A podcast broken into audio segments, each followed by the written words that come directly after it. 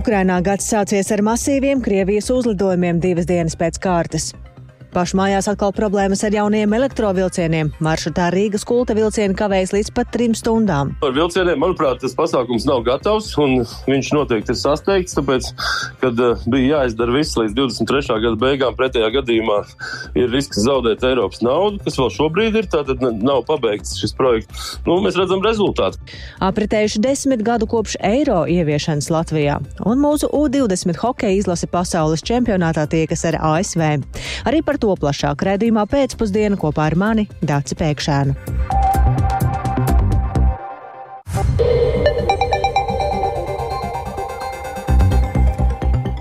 Sešpadsmit un piecas minūtes skanējums sāk raidījums pēcpusdienā, skaidrojot šī gada pirmās darba dienas, 2. janvāra būtiskākos notikumus. Studijā Tāca Pēkšēna, esiet sveicināti!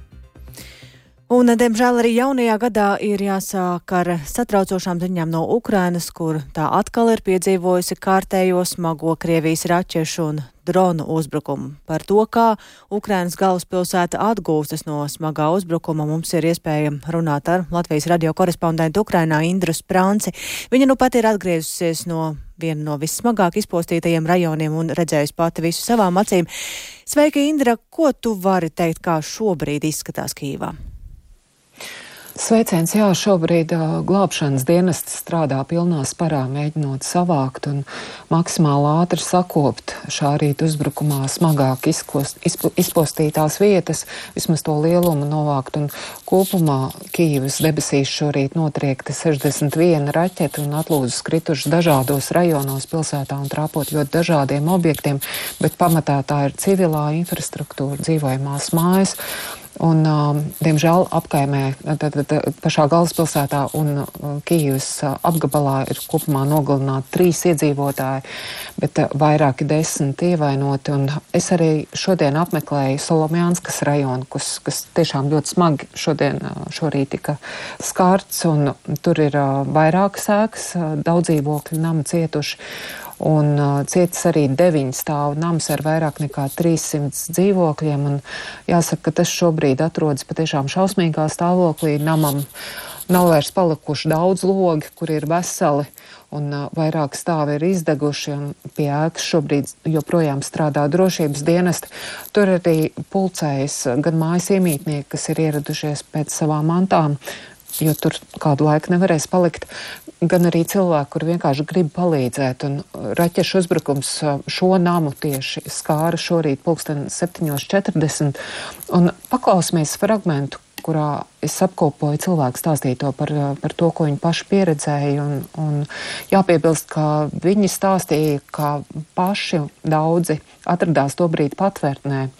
Proti, pirms tam bija izgājuši no mājas uz blakus esošo patvērtni. Un, Un, ja tā nebūtu iespējams, cietušo varētu būt bijis vēl vairāk. Paklausīsimies! Bija ļoti spēcīgs sprādziens. Mēs bijām patvērtnē, autostāvvietā, un vārti pat atvērās. Mana sieva uzreiz sāka zvanīt. Mums te pazīstamie dzīvo. Mēs kādreiz vakar tikāmies, un draudzene rakstīja, mums viss ir ļoti, ļoti slikti. Viņa tagad ir slimnīcā. Es tagad tieši mēģināšu kaut ko palīdzēt. Pamažēkšu šai mūža pavarnāt. Stārani, uh, pēc. No tās puses ir milzīga bedra, kādus 5 metrus liela. Tur ir bērnu dārza laukumiņš, tur boileri nonesa no tās puses, un viss sāka degt. No tās puses trīs vai četras kāpņu telpas dega. Vecmāmiņai šuvis uzlika, viņa ir slimnīcā. Mamma rokas sagrieza, tādas nenozīmīgas traumas. Paldies Dievam, ka dzīves! Slavu Mēs turamies, stiprināmies un dod Dievs, lai viss būtu labi. Jā, un šobrīd šī smagāk izpostītais nams un apkaime un tas krāteris, kas tur blakus izveidojies šī raķešu atlūzām krītot, viss ir norobežots un uz vietas joprojām strādā glābšanas dienesti. Dace? Indra, ir ziema, cilvēki ir palikuši bez mājām. Kur viņi tagad dosies? Jā, patiešām tas bija um, viens no pirmajiem jautājumiem, ko es, ko es viņiem uzdevu. Un jāsaka, ka visi paļaujās uz uh, radiem, tuviniekiem, draugiem. bet uh, zinu, ka arī pašvaldība nodrošina iespēju cilvēkiem um, tātad naktsmājas, kur palikt siltumā. Um, cilvēki arī cer, ka varbūt varēs saņemt kādas kompensācijas un jau drīzumā varētu ielikt atpakaļ logus dzīvokļiem, lai varētu atgriezties šajos namos. Um, logi ir izsist arī virknē citu apkājums namu, ne tikai šai, šai, šai lielajai mājai ar vairāk nekā 300 dzīvokļiem, bet arī turpat blakus apkaimē. Un kopumā visā, atmos, visā rajonā atmosfēra ir uh, patiešām ļoti drūma. Uz ielas var redzēt daudz raudošu cilvēku, ir redzami cilvēki, kas steidzas ar šīm te finiera plāksnēm, lai mēģinātu aizsist logus un kaut kā pasargāt uh, savus dzīvokļus nu, lai saglabātu kaut kādu siltumu. Uh, nu, jā, vienlaikus ir redzama arī drošības dienas, kas mēģina palīdzēt. Tur ir arī ūdensvads plīsas un, un notiek glābšanas uh, darbi, tā ka uh, tiek darīts viss iespējamais, lai pēc iespējas ātrāk rastu kaut kādu civilizētu risinājumu šiem cilvēkiem, kas, uh, kas, kas šobrīd ir palikuši bez mājām. Un, un jāsaka, Kīvā jau šobrīd ir sals un naktī ir gaidām arī mīnus seši. Tas ir daudz šeit. Un, tā kā patiešām ir ļoti grūti brīži šobrīd Kīvas iedzīvotājiem. Un, līdzīgi kā Kīvā postījuma novēršana turpinās arī Ukrainas otrā lielākajā pilsētā Harkivā, kas arī šodien ļoti smagi cieta. Un atgādināšu, ka kopumā Krievija šonakt un šorīt uz Ukrainu raidījis 99 dažādu tipa raķetes, un 72 no tām Ukraiņiem izdevās notriekt. Tas man tas šobrīd viss.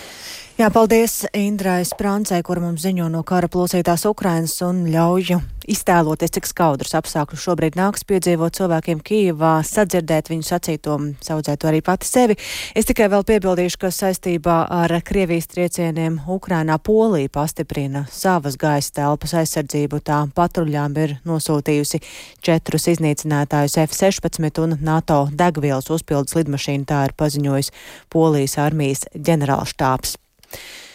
Pašmājās savukārt um, aktualizējies ir jautājums par to, vai saimai vajadzētu rūpīgāk pārvērtēt plānu valstī pārņemt tā saukto Maskavas nāmu Rīgā Marijas ielā 7. To vēstulē saimai ir aicinājusi Rietumu banka brīdinot par sekām Latvijas komersantiem, kuru aktīvi atrodas Krievijā.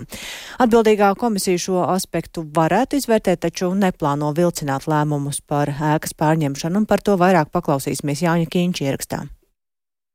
Kādreizējais dzelzceļnieku nams Maskavas valdības rokās nonāca īpašumu maiņas rezultātā gadsimta sākumā. Pēc pārbūves par Maskavas namu nosaukto ēku atklāja 2004. gadā.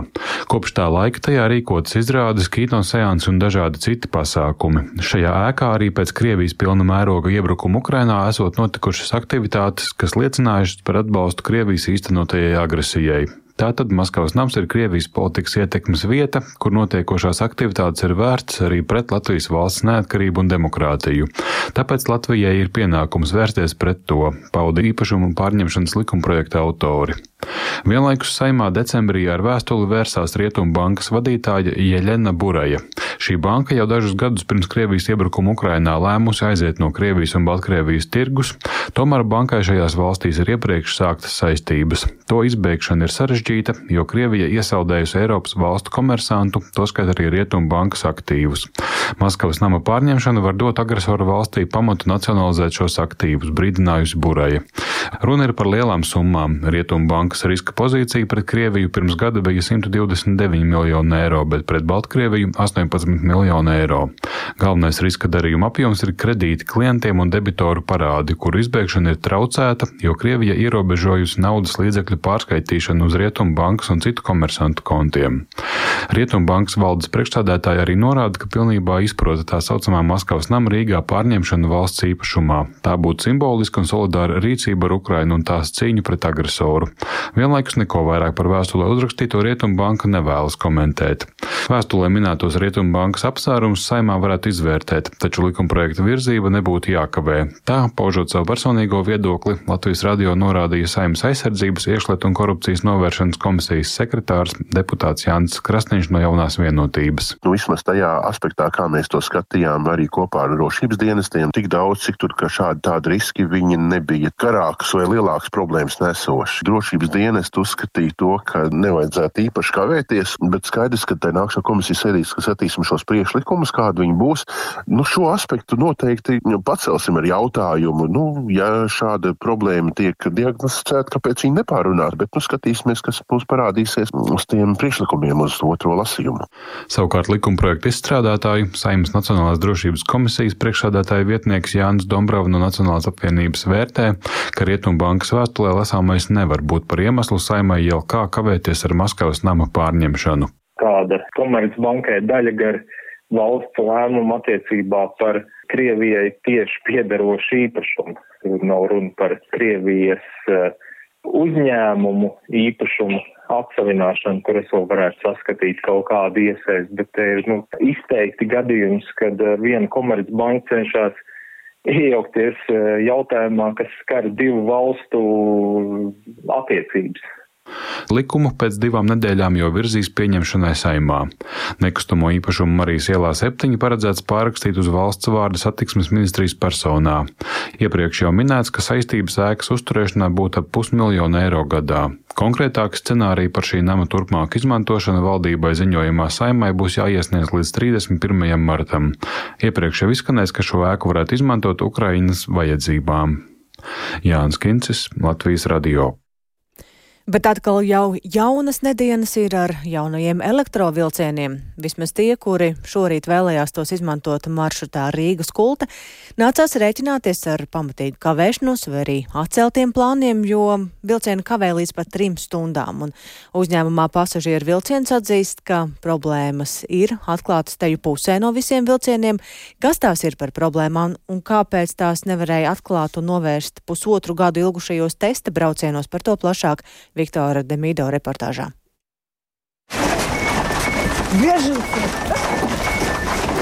Īsi pirms pusdeviņiem no rīta pieturā garciem stāv jaunais elektrovilciens. Iekšā valda tumsa un nedarbojas klimata kontrole. Nedarbojas arī automātiskās durvis, un, lai vilcienā iekāptu vai izkāptu, pasažieriem nākas durvis atbīdīt pašu spēkiem. Jaunais elektrovilciens garciemā stāv jau vairāk nekā pusstundu. Piezvanot uz uzņēmuma pasažieru vilciens informatīvo tālruni, noskaidroja, ka sastāvs ir salūzis, tam pakaļ braukšot cits vilciens, kas salūzušo aizvedīs prom. Tā arī notika. Pēc kāda laika no skultas puses piebrauca vēl viens jaunais elektrovilciens, ko savienoja ar salūzušo. Konduktori pasažierus aicina kāpt siltajā un gaišajā sastāvā, taču pēc kādām 20 minūtēm visus izdzen ārā, sakot, ka tūlīt atbrauks cits sastāvs. Salā cilvēki nostāv vēl kādas 15 minūtes, līdz atbrauc padomju laiku vilciens. Kopumā pasažieri kavē līdz pat trim stundām. Nu, jaunie vilcieni jānotestē. Slikti tas, ka ne, pat sabiedriskais neiet. Autobus tikai 11. tagad būs. Nu, nu, kā lai tiek? Nu, diezgan smieklīgi. Forši tā jauno vilcienu palaiž. Pirmo reizi es būtu braucis ar jauno vilcienu, bet laikam ies garām kaut kā. Nu, Priekš kam tāda miska vajadzīga? Labāk vecs, kas brauc, nevis. Nu, ko es tur varu pateikt? Es 6.29. iekāpu vilcienā un joprojām neesmu tikus uz darbu. Nu, briesmīgi. No kurienes jūs braucat? No saukrastiem. Speciāli ātrāk braucu, domāju, nākamā, bet ne speciāli braucu ātrāk, lai paspētu uz darbu. Protams, ļoti tas ir traki. Kurā vietā sadzirdējāt vai, vai manījāt to, ka kaut kas nav tā kā ierasts? Neviens neko neteica, informācija no nekāda nav. 21. Nu, gadsimts, es domāju, ka nu, ja šāda situācija ļoti ātri varēja reaģēt un organizēt autobusus, nokļūt cilvēkiem uz darbu. Dzirdēju vienam vīrietim uz operāciju bija pieraksts. Un es teicās, jā, nu, nebija informācijas, ar joprojām mēs jau gaidām. Varbūt kaut ko konduktori teica, jāiet laukā, gaismu izdzis kaut kas tāds. Jo, ļoti ka... novēloti. Tad, kad šeit jau stāvējām garcēmā, bija dīvaini tas, ka iekāpjot sauku stacijā, viņš bija tumšs un uh, ielaida mūs ar nokavēšanos 32. Un tad garcēmā vienkārši viss apdz, nu, apdzīs tumšu. Tad tikai mums pēc laika pateica, kas notiek, kad tālāk risinās situācija. Bet nu, cik jau pulkstens ir? Kāda no pasažieriem, kura ierakstam atteica, atzina, ka jaunie vilcieni grūti iztur augstumu. Tā viņai esot teikusi vilciena konduktore, kas aprakstīt problēmu man atteica. Norakstīt problēmas uz salu uzņēmums pasažieru vilciens nevēlas, sakot, ka konkrētajā reizē vilcienam bija nolaidies strāvas noņēmējs, bet vilciena akumulātora baterija izlādējusies. Uzņēmuma pārstāvis Sigita Zviedri aizbildinās, ka problēmas jaunajiem vilcieniem ir ierasta lieta. Zviedri norāda, ka kopumā problēmas ir fiksētas pieciem no kopumā 11 sastāviem. Mums ir pilnīgi jauni vilcieni un attiecīgi nāk ārā šīs tās augtās nozarei bērnu slimības, ka parādās, kad ir nepaceļās šis strāvis noņēmējs, tad problēmas, piemēram, bija arī to, kad nevērās durvis vaļā. Notiecīgi šajā gadījumā tas, ar ko ir jārēķinās, ka šie vilcieni ir ļoti tomēr arī tādi elektronizētas sistēmas, Bet jūs saprotat, tajā mirklī, kad testēja, tad uh, visi šie testi jau ne, netika veikti uz pilnīgi, pilnīgi visiem sastāviem. Bija daži šie testa vilcieni, kurus arī brauc un kuriem visu testē, un attiecīgi pārējie tika pārbaudīti, vai viņi atbilst tehniski šiem pirmajiem testētajiem vilcieniem. Nu, skaidrs, ka tajā mirklī, kad tā vilciena sāk braukt un veikt pasažieru pārdāvājumus, tas ir tomēr citādāk. Satiksmes ministrs Kaspars Briškens no progresīvajiem platformā Twitter norādīja, norādīja, ka rīt tiksies ar Škoda vagonka vadību, lai prasītu paskaidrojumu par atklātajiem defektiem un skaidrus tālākos soļus to novēršanai. Viņa prāt, nelielas problēmas ir saprotamas, bet nav pieļaujama pasažieru ilgstoša gaidīšana neapsildītā vilcienā bez saulēcīgas informācijas par iespējamu reisa atcelšanu. Viktors Demidovs, Latvijas radio.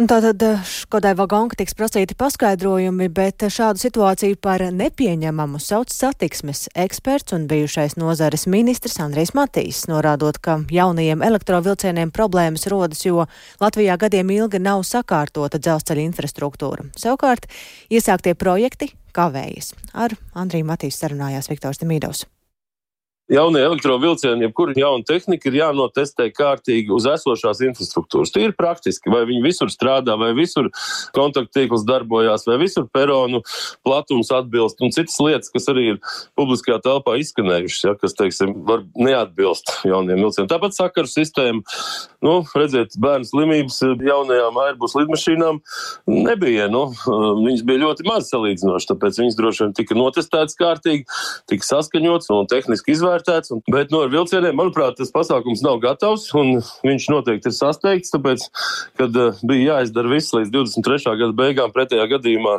ir risks zaudēt Eiropas naudu, kas vēl šobrīd ir, tātad nav pabeigts šis projekts. Un visticamāk, ka nodokļu maksātājiem no Latvijas valsts budžeta līdzekļiem būs jāmaksā par šiem vilcieniem. Nu, mēs redzam rezultātu, kas notiek. Tālūk, bijušais satiksmes ministrs Andrijs Matīs, bet um, ar vilcieniem problēmas ir ne tikai pie mums. Vilcieni pamatīgi kavējas arī Somijā un Zviedrijas ziemeļos. Lielais sals, kas dažviet Somijā pārsniedz mīnus 37 grādus, bet Zviedrijas ziemeļos pat mīnus 40 grādu, rada dažādas tehniskas problēmas un palēnina vilcienu kustību. Savukārt citviet ziemeļos sniega un vēja dēļ ir ietekmēta arī automašīnu kustību uz atsevišķiem lielceļiem un tiltiem. Jaunāko informāciju ir apkopojis eh, mūsu Briseles korespondents Arčoms Konohovs. Sveiks, Arčom! Par visu pēc kārtas sāksim ar situāciju Somijā. Cik ievērojami vilcieni kavējuši šajā valstī? Labdien! Tik tiešām Somijā vilcieni kavē visā valstī. Temperatūra tur tiešām ir augsta, pat augstāka nekā Latvijā, ko ne, man šeit no Briseles varbūt ir pat grūti iedomāties. Mums šodien līst un ir uh, krietni siltāks, protams, bet uh, Somijā ir jā, mīnus 37 grādi ziemeļos, bet tā lielākoties valstī ir mīnus 15, mīnus 20, arī mīnus 30 šur un tur. Un līdz ar to kopš 1. janvāra visā valstī kavējas vilcieni vilcienu satiksme un diezgan pamatīgi kavējas. Ja vēl tātad šorīt 10.30 no rīta starp Turku un Helsinkiem vilcienu kavēja vidēji pār 15 līdz 50 minūtēm. Tas arī ir pietiekami daudz, un citviet 1. janvārī ir bijušas arī 3 un 4 stundu kavēšanas dažādiem vilcieniem, tehnisku iemeslu dēļ, gan vilcieniem, gan arī sliežu. Dažādas problēmas ir novērotas novērotas, un tad, kad vilciens sāk kavēt, tad, protams, rodas ķēdes reakcija ar pārējo dzelzceļa satiksmi, un vilcieniem līdz ar to nākas arī bieži vien gaidīt, kamēr citi vilcieni vispirms varēs kustēties un atbrīvos, lai var, varētu tālāk šie sastāvi doties. Tā kā problēma ir pietiekami nopietna, un to arī apraksta Somijas sabiedriskais mēdījis Yle. Un tātad joprojām arī gan vakar, gan šodien ir pamatīga kavēšanās, un tā kā salu tur sola vēl gandrīz visu nedēļu, vismaz vairākas dienas, tad var sagaidīt, ka šāda situācija turpināsies arī turpmākajās dienās. Tāds Labi, tas ir par Somiju. Kas notiek ar kaimiņos esošo Zviedriju? Jā, arī Zviedrijā vilcieni kavē, un, protams, Zviedrijas gadījumā tas attiecās lielākoties uz valsts ziemeļiem un tiem reģioniem, kas apmēram atrodas uh, turpat, tad tikpat tālu ziemeļos kā Somija. Uh, tur mēs runājam par to, ka tur gan sniega, gan arī zemās temperatūras dēļ ir iespējama pamatīga kavēšanās. Arī um, Zviedrijas lielsceļš par to runā, un uh, Zviedrijā, kā jau mēs norādījām, daudz viet ir mīnus 30 grādi, kas ir ļoti, ļoti liels augstums. Dacim? Jā, nu. Vistuvāk, protams, mums ir Baltijas valstis, Igaunija, Lietuva. Tur arī problēmas ar vilcienu satiksmi. Nē, tur šobrīd nekādas problēmas neparādās. Vismaz man pieejamā informācija liecina, ka tur vilciena satiksme notiek pēc eh, grafika, tā kā ir paredzēts. Eh, bet, ja runājam vēl par citām valstīm, tad Norvēģijā sniega dēļ ir kavēta satiksme pa vienu no lielceļiem. Savukārt Dānijai ir ļoti spēcīgs vējš, un tāpēc uz vienu no tiltiem tur ir arī slēgta automašīnu satiksme. Tā kā laika apstākļi daudz vietā Eiropā šajās dienās ir diezgan izaicinoši un ietekmē gan vilcienus, gan arī cita veida satiksme. Un, Tas, protams, arī rada pamatīgi, pamatīgas nērtības iedzīvotājiem, kuriem ir jānokļūst no vienas vietas uz otru. Paldies Arčamam Konohovam par šo apkopojumu. Tātad runājām par augstuma radītajām likstām. Bet eh, ko mums ir eh, devusi eiro ieviešana pirms desmit gadiem un ko tīri praktiski nozīmē jaunā prasība par pašvaldības policiju katrā pašvaldībā un kādas ir izredzes mūsu U20 hokeistiem pasaules čempionātā? Šodienas spēlē par to arī runāsim raidījuma pēcpusdienu turpinājumā.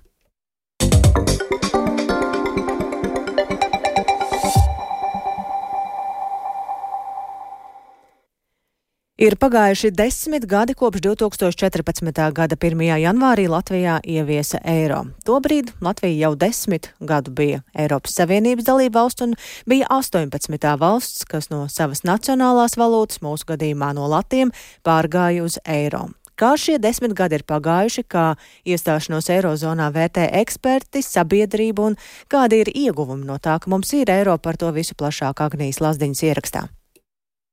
Pirms desmit gadiem vairākums, jeb 83% Latvijas iedzīvotāju, kas ir neparasti augsts rādītājs, atbalstīja eiro ieviešanu. Savukārt 2023. gada decembrī pētījuma centra Norstat sadarbībā ar portālu LSM LV veiktā iedzīvotāju aptauja liecina, ka desmit gadus pēc eiro ieviešanas Latvijā pārēju uz eiro valūtu par labu lēmumu uzskata 51% Latvijas iedzīvotāju. Biežāk to pozitīvi vērtē jaunākie iedzīvotāji, Rīgas un Pierīgas iedzīvotāji Latvijas latvieši un cilvēki ar augstākiem ienākumiem, bet ko saka eksperti? Latvijas Bankas padomas loceklis un tā laika Latvijas finanšu ministrs Andris Vilks norāda, ka tas, ka mēs tagad esam iekļauti krietni lielākā finanšu telpā kā līdzvērtīgi partneri, esot viennozīmīgi pozitīvi ietekmējis to, ka mēs esot stiprāki pret dažādiem ārējiem šokiem, spekulācijām, politiskajām ietekmēm un arī to, kāda ir bijusi vide saistībā ar eiro ieviešanu. Tāpat viņš atzīst, ka zaudējumus neredz, jo, piemēram, inflācija būtu mūs skārusi neatkarīgi no tā, vai Latvijā būtu vai nebūtu eiro, un iespējams tā šo šobrīd būtu bijusi pat krietni augstāka. Viņa prāt Latvijai tolaik bija skaidra vīzija un mērķis, un visa sabiedrība kopumā bijusi vienotā vēlmē pārvarēt krīzi. Tāpēc eiro ieviešana vērtējama pozitīvi gan tagad, gan arī pirms desmit gadiem. Tieši šajā brīdī mums nav jābētājās par valūtu. Mums ir skaidri tie likumi un likumsakarības, un arī investīcija vide ļoti stabila un pārliecinoša. To arī parāda kredītreitinga aģentūras dati un arī tā, tā pieeja, kāda ir attiecībā uz Latviju. Tas ir pilnīgi skaidrs, jo ir sarežģītāka situācija pasaulē vai apkārt, jo ir labāk, ka tu esi pasargāts eh, zem NATO karoga, zem Eiro karoga, zem Eiropas Savienības karoga. Līdz ar visu Baltijas valstu pievienošanos Eirozonai pēc vilka domām šis reģions ir pasargāts, un līdzīgi izsakās arī uzņēmuma Latvijas finieris tā laika padomis priekšsēdētājs Juris Biķis, kas vērtē eiro ieviešanu kā pozitīvu, atminoties, ka tolaik valdībai un bankai nācās ieguldīt lielas pūles, lai mobilizētos un spētu eiro ieviešanu padarīt par ko labu un nepieciešamu. Daudz varbūt arī šādi ekonomiski kritumi vai cēlumi, tomēr šis eiro bāze rada stabilitāti. Tas ir pats galvenais, manuprāt.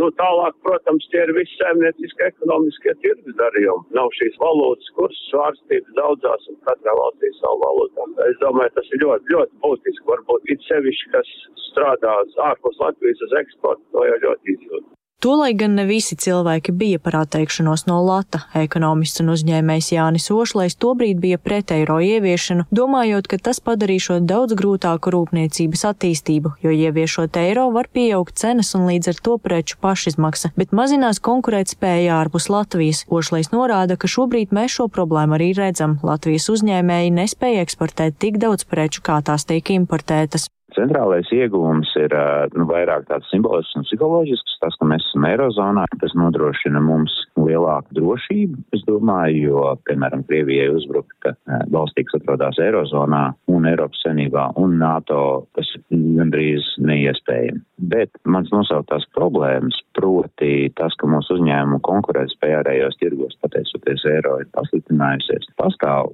nu, kā reāla problēma. Tas ir tas, kādēļ es jau no paša sākuma brīdināju ka eiro ieviešana nav kaut kāda burvju noņa vai panacei, un eiro ieviešanai ir šīs reālās problēmas. Latvijas uzņēmumu konkurētspējas pazemināšanos kā vienīgo negatīvo aspektu nosauc arī Latvijas Universitātes biznesa vadības un ekonomikas fakultātes dekāns un profesors Gundars Bērziņš, taču ieguvumu esot vairāk, tāpēc viņa prāta kopumā eiro ieviešana vērtējuma pozitīvi. Nu, šeit desmit gadi ir raksturojušies ar Latvijas finanšu sistēmas stabilitāti. Un es teiktu, ka tas ir lielākais ieguvums, ko Latvija ir iegūsi no dalības Eiropas Savienībā.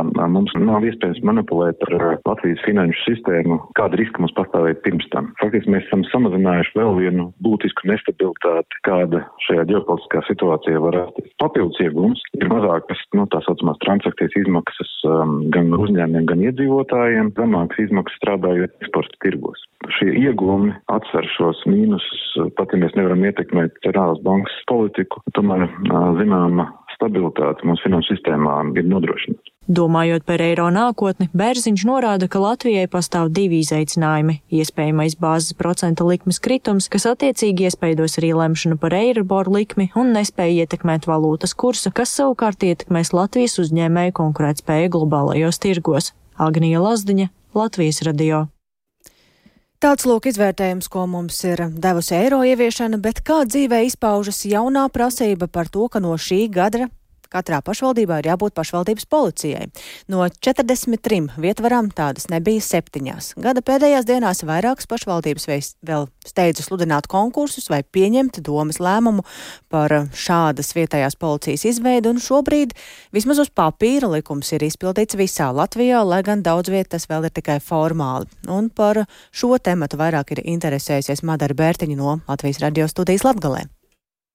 Ventspils, Madonas, Varakļānu, Augšdaugavas, Līvānu un Rēzeknes novads, kā arī Rēzeknes valsts pilsēta līdz šim bija vienīgās pašvaldības bez savas pašvaldības policijas. 1. janvārī stājās spēkā likuma grozījumi, nosakot, ka pašvaldības policijai katrā pašvaldībā jābūt obligātā kārtā. Līdz ar to situācija nu ir mainījusies. Madonas novadā pašvaldības policija sāka strādāt jau augustā, savukārt ar 1. janvāri tā apvienojusies ar kaimiņiem Varakļānos, izveidojot jaunu jaunu kopīgu pašvaldības policiju. Savukārt Rēzeknes novadā pirms diviem gadiem izveidotā administratīvā inspekcija nu pati reorganizēta par pašvaldības policiju. Uz papīra ar 1. janvāri pašvaldības policija ir arī Augšdaugavas, Ventspils, Līvānu novadā un Rēzeknes valsts pilsētā, taču līdz reālam darbam vēl jāpagaida, jo dažviet konkursus pašvaldības policijas priekšnieka vietu vēl tikai izsludināts, citur tas jau noslēdzies, bet komanda vēl nav nokomplektēta. Šobrīd vēl nav jums padoto sanākiem. Pagaidām, jā, un tagad man viens no galvenajiem uzdevumiem ir izsludināt konkursus tiem amatiem, atrast cilvēkus, kuri spējīgi strādāt. Stāsta Rēzeknes pašvaldības policijas priekšnieks Vitālijas Potgaiskis, kuram šodien ir pirmā darba diena. Pašvaldības tik ilgi vilcinājušās, jo cerējušas, ka finanšu trūkuma dēļ šo likuma grozījumu varētu atlikt vai saņemt papildu finansējumu no valsts. Tomēr pagarinājums netika dots, tāpēc nauda jāmeklē savos maciņos, jeb šī gada budžetā. Kā pastāstīja Reizeknas valsts pilsētas domas priekšsēdētāja vietnieks Aleksejs Stets no partijas kopā Latvijai, pilsētais tas izmaksās 80 tūkstošus eiro. Gan tehniskais nodrošinājums, gan atalgojuma fonds. Tām personālam, kas strādās pašvaldības policijā, ja mēs runājam par tehnisko nodrošinājumu, tas ir lielākoties tas ir speciālais transporta līdzeklis, un šī gadījumā mēs skatāmies uz operatīvo līzingu. Turklāt šis finansējums ir, lai nodrošinātu minimālo pašvaldības policistu skaitu. Ja tiktu ievērotas iekšlietu ministrijas izstrādātās rekomendācijas, būtu jābūt vienam pašvaldības policistam uz 1500 iedzīvotājiem. Reizeknes gadījumā tas nozīmētu vismaz 15 pašvaldības policistus. Protams, ieteikumi tās ir viens stāsts, kā teikt, bet jau praksa parādīs, cik faktiski tādu cilvēku skaits būs nepieciešams jau nākotnē. Tie jau redzēsim, pēc gada varētu būt, ka būs noteiktas izmaiņas jau. Pašvaldība atšķirīgā rocība atvēlot finansējumu pašvaldības policijai rada bažas par nevienlīdzīgu drošības līmeni dažādās vietvarās. Iekšlietu ministrija trauksmi noraida, sakot, ka arī turpmāk sabiedriskās drošības uzturēšanā un noziedzības apkarošanā iesaistīsies līdzīgi kā līdz šim arī valsts policija un valsts drošības dienests. Madara Bērtiņa, Latvijas radio studija Latgalē. Un šodien radījumā daudz runājām par vilcieniem, bet par kādu citu pārvietošanās līdzekli runājot, tad ir zināms, kādas automašīnas vislabprātāk pērn esam pirkuši. Ņemot vērā ceļu stāvokli, sabiedrības novecošanos un turīgumu, pirktākās pērn ir bijušas apvidus automašīnas. Eksperti pat teica, ka esam apvidus segmenta auto karaļvalsts. Kopā pie Privātpersonām pērn nonāca 18 tūkstoši jaunu braucamu un pirktāko vidū ir Toyota un Škoda apvidus mašīnas, savukārt lietoto autotirgu arvien dominē BMW, Volkswagen un Audi. Aizvadītā gada autotirgu ielūkojās Edgars Kupčs. Ceļu satiksmes drošības direkcijas dati rāda, ka aizvadītajā gadā reģistrēts vairāk nekā 3900 jaunu Toyota mašīnu. Otrajā vietā ar 2350 ir Škoda, bet trīnieku noslēdz Volkswagen ar vairāk nekā 2000 jaunām mašīnām mūsu tirgū. Salīdzinājums ar iepriekšējo gadu ļauj secināt, ka Toyota ar dažādu modeļu auto piedzīvo strauju izplašanos tirgū. Arī Škodas rādītāji ir kāpjoši, bet Volkswagen dati ir līdzīgi pārdošanas rādītājiem pirms gada.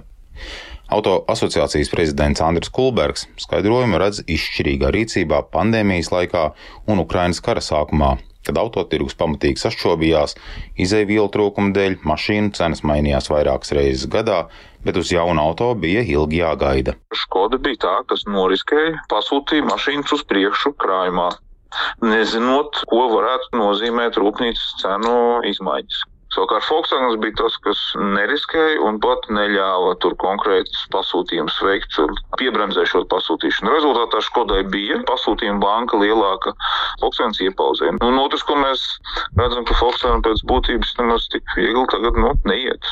Škodai bijuši jauni mašīnu modeļi, turklāt pievilcīgās cenas un kvalitātes attiecībā. Un mūsu iedzīvotāju vēlme sēsties apvidus klases mašīnās parāda arī Toyotas kā topa līderis panākumus. Turpina Andris Kulbergs. Tieši šī moda uz nedaudz labāku caurgājumības paaugstinātas mašīnu ir tas, es domāju, tas ir viens, ka mūsu sabiedrība, nu, maksāt spējīga arī sabiedrība, kas ir noveco, tā, kas izvēlās jaunas mašīnas. Nu, cilvēkiem, kas ir vecāki gadu gājumi, vēlās ērtāku iekāpšanu, apsēšanos. Tas ir viens no faktoriem. Otrs, protams, ka ceļu kvalitāte jo daudziem ir lauka īpašumi, kur jāpiekļūst, ja ne ikdienā, tad vismaz vasarās, rudeņos un pavasaros, kad pie mums izplatītie grantētie ceļi pārvēršas neceļos. Par sporta apvidus auto jeb SUV popularitāti piekrīt arī Latvijas lietoto automašīnu tirgotāju asociācijas prezidents Uģis Vītols, kas tās augto parketi džipu pirkšanas kāri saista ar ceļiem un arī vēlmi salonā sēdēt augstāk. Bet kuru marku auto bija pirktākie lietoto mašīnu tirgū? Līderi top vietu varētu ieņemt BMW visām vecuma grupām. Nu, protams, Volkswagen bija ar savu auto klāstu, un Volkswagen vienmēr bijis populārs. Gribētu atzīmēt par Mercedes. Mercedes ir sarosījies uz, uz lietotu mašīnu pirkšanu, ieviešanu.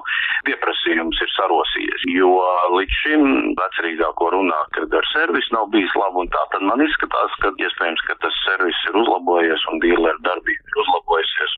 Arvien populāri ir dažādi lietoto Audi modeļi, tāpat Toyota ar konkurētspējīgām cenām turpinot iekrot lietoto auto tirgu, kam savukārt ar augšupejošiem rādītājiem seko Land Rover un Volvo.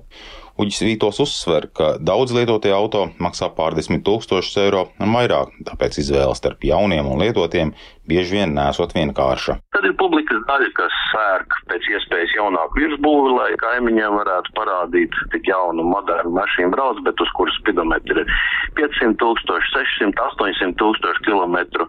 Viss tur grab, viss tur dārd, viss, piedodiet, ļurkājās, bet, nu, viņš brauc ar jaunu virsbūvi. Šī publikas daļa, protams, ir nemainīga un sāk stabilizēties šī spidometru griešanas tradīcija, tā iet mazumā. Mazumā ejot arī pieprasījums pēc lietotiem elektroauto. Līdzīgas tendences vērojams arī Vācijā, kur pārtraukts 4000 eiro atbalsts tāda auto iegādēji. Edgars Kupčs, Latvijas radio. Un nu gan pievēršamies sportam, jo pēc divām brīvdienām atbildīgs uzdevums šodien atkal mūsu U20 hokeja izlasēji, jo pēc nepilnas pusotras stundas uz ledus kāps eh, mūsu hokeisti, lai pasaules čempionātā tiktos ar B grupas uzvarētājiem ASV hokeistiem, kas čempionātā pagaidām spēlē bez zaudējumiem. Un par atbildīgo spēli vairāk sarunāsimies ar kolēģi Māri Bergu. Sveiks, Māri! Un Jā, vēl vecgada vakarā, pateicoties tam, ka kanādieši uzvarēja vāciešus, nu, lai gan sākoties trešajam periodam tas tik nu, viennozīmīgi vēl nebija, mums eh, tomēr pavērās ceļš uz ceturdaļu finālu. Tagad mūsu hokeistiem ir bijušas divas brīvdienas, iepriekšējā spēle tikai 30. decembrī. Kā tās ir pavadītas? Uh, sveika, Dārcis, sveicināti klausītāji. Jā, no Latvijas izlase pirmkārt jau jūtu līdzi kanādiešiem, jo no viņiem tiešā mērā bija atkarīgs tas, vai nu Latvija spēlēs ceturdaļu finālā, vai būs jāspēlē par palikšanu. Un, kā jau teici, kanādiešiem uh, spēle nebūtu neizdevās tik pārliecinoši, kā varētu domāt, un uh, gan Latvijas hokeistiem, gan arī līdzitējiem bija jāpanarvozē kanādiešiem savu pārsvaru, un arī Latvijai vēlamo rezultātu nodrošinot tikai trešā perioda beigās. Protams, notika notika arī jaungada sagaidīšana, bet pēc tam jau bija jāķeras klāt, lai pārvāktos no vienas hāles uz otru. Mūsējā līdz šim spēlēja galvenajā Skandināvijā arēnā, bet eh, šovakar spēle notiks čempionāta otrajā hālē Frolunda Borga, kurā spēlēja B apakšgrupas komandas, tā izskaitā amerikāņi. Hokejistiem jau vakar tur bija treniņš, pierodot pie apstākļiem, ledus, apmalēm, stikliem un visa pārējā, gatavojoties šī vakar spēlē. Dace? Nu, tātad ASV izlase līdz šim ir spēlējusi bez zaudējumiem. Kas mums vēl par mūsu pretiniekiem ir zināms? Jā, no amerikāņi pirms turnīra tika saukti par galvenajiem favorītiem. Pagaidām viņi to arī ir apliecinājuši, uzvarot savā grupā. Lielākā daļa viņu komandas spēlē ASV koledžu čempionātā, jeb NCAA, un tikai divi no amerikāņiem nav izraudzīti NHL draftā. Rezultatīvitāte tur sadalījusies līdzīgi, pa astoņiem punktiem katrs sakrājuši trīs hokeisti, septiņiem spēlētājiem ir vismaz pieci punkti, bet visi laukuma spēlētāji ir guvuši kaut punktu. Ko par amerikāņiem domā viens no Latvijas izlases līderiem Sandis Vilmanis. To klausāmies turpinājumā. Vairāk iekustējāmies, uzsludojām bišķīt un arī uzspēlējām 5-4 vairākumu un mazākumu. Tā kā jā, iekustinājām mazākumu un vairākumu. Nu jā, ļoti meistarīga komanda, ļoti labi slidotāji un diezgan liela džeki arī tur dos virsū. Tad ir jāpaskatās, vēl treneris mums dos video, jā, jāizanalizē, kā viņi spēlē, kā mēs spēlējām un tik jādod virsū. Tālūk, Sandis Vilmanis Dāce. Jā, nu tā tad um, ASV uzvarēja savā grupā jau pirms turnīra piesaukt favorītu vidū. Cik pamatot un cik pārliecinoši viņi izskatās uz ledus? Jā, nu, cīņā par uzvaru grupā amerikāņi ar 10-2 sagrāva Slovākus, pierādot savu spēku, taču viņi noteikti nav neuzvarami. To pierādīja jau pirmā spēle pret grupas pastrīti Norvēģiju. Atgādināšu, ka Norvēģiem tagad būs jāspēlē par palikšanu elitē pret Vāciju. Tajā mačā amerikāņi uzvarēja Norvēģiju tikai ar 4-1, un viņiem nemaz tik viegli negāja. Arī Čehus grupā izdevās nolauzt tikai pēc spēles metienos ar 4-3, un šīs divas komandas tātad parādīja, ka ar amerikāņiem var spēlēt spēlēt, kā pret viņiem spēlēt, bet par to, kāda ir Latvijas izlases iecerētie risinājumi un no kā jāuzmanās, to stāsta treneru palīgs Kārlis Zirnis. Viņi cenšas spēlēt ļoti ātri, uzreiz uz priekšu. Tā kā jābūt tam gataviem, ļoti uzmanīgiem, jābūt uz maiņām. Jo viņi īpaši, kad nu, kaut vai neitrālā zonā pāriet, viņa partneris neatdod otram aizsargam, viņš uzreiz griež uz augšu un grib uzreiz uzbrukt un pieslēgties. Viss, tā kā uz to jābūt sevišķi gataviem. Jā, nu tālūk par to, no kā jāuzmanās Latvijas izlasē, saka viens no treneru palīgiem Kārlis Zirnis. Spēles sākums Gēteborgā plānots 6. vakarā, un turnīra turpinājumā viss būs kā parasti pasaules čempionātos. Uzvarētāji soļos tālāk un spēlēs pusfinālā. Zaudētājiem turnīrs būs beidzies, un hokeisti no izlases varēs atgriezties savos klubos. Dāce? Paldies Mārim Bergam. Tātad no tevis sadzirdēju, ka grūta spēle, bet ne neiespējama. Tā? Pilnīgi pareizi, pilnīgi pareizi. Ļoti grūts, ļoti grūts spēle, spēcīgs pretinieks, bet, ja izdodas, tad var arī aizķerties. Paldies! Atliek vien novēlēt gada sākumā mūsu sportistiem parūpēties varbūt par kādu pārsteigumu, bet šobrīd izskan raidījums pēcpusdiena. To producēja Lauris Zvēnieks, ierakstus montēja Uldis Grīnbergs pie skaņu pults Katīna Bramberga, bet ar jums sarunājās Dāca Pēkšēna. Raidījums pēcpusdiena ir atrodams arī Latvijas radio mobilajā lietotnē. Tur jāmeklē dienas ziņas un tāpat arī kā allaž bažu arī šajā gadā mūsu ziņām var sekot līdzi sabiedrisko mediju ziņu portālā LSMLV un sociālajos tīklos. Yeah.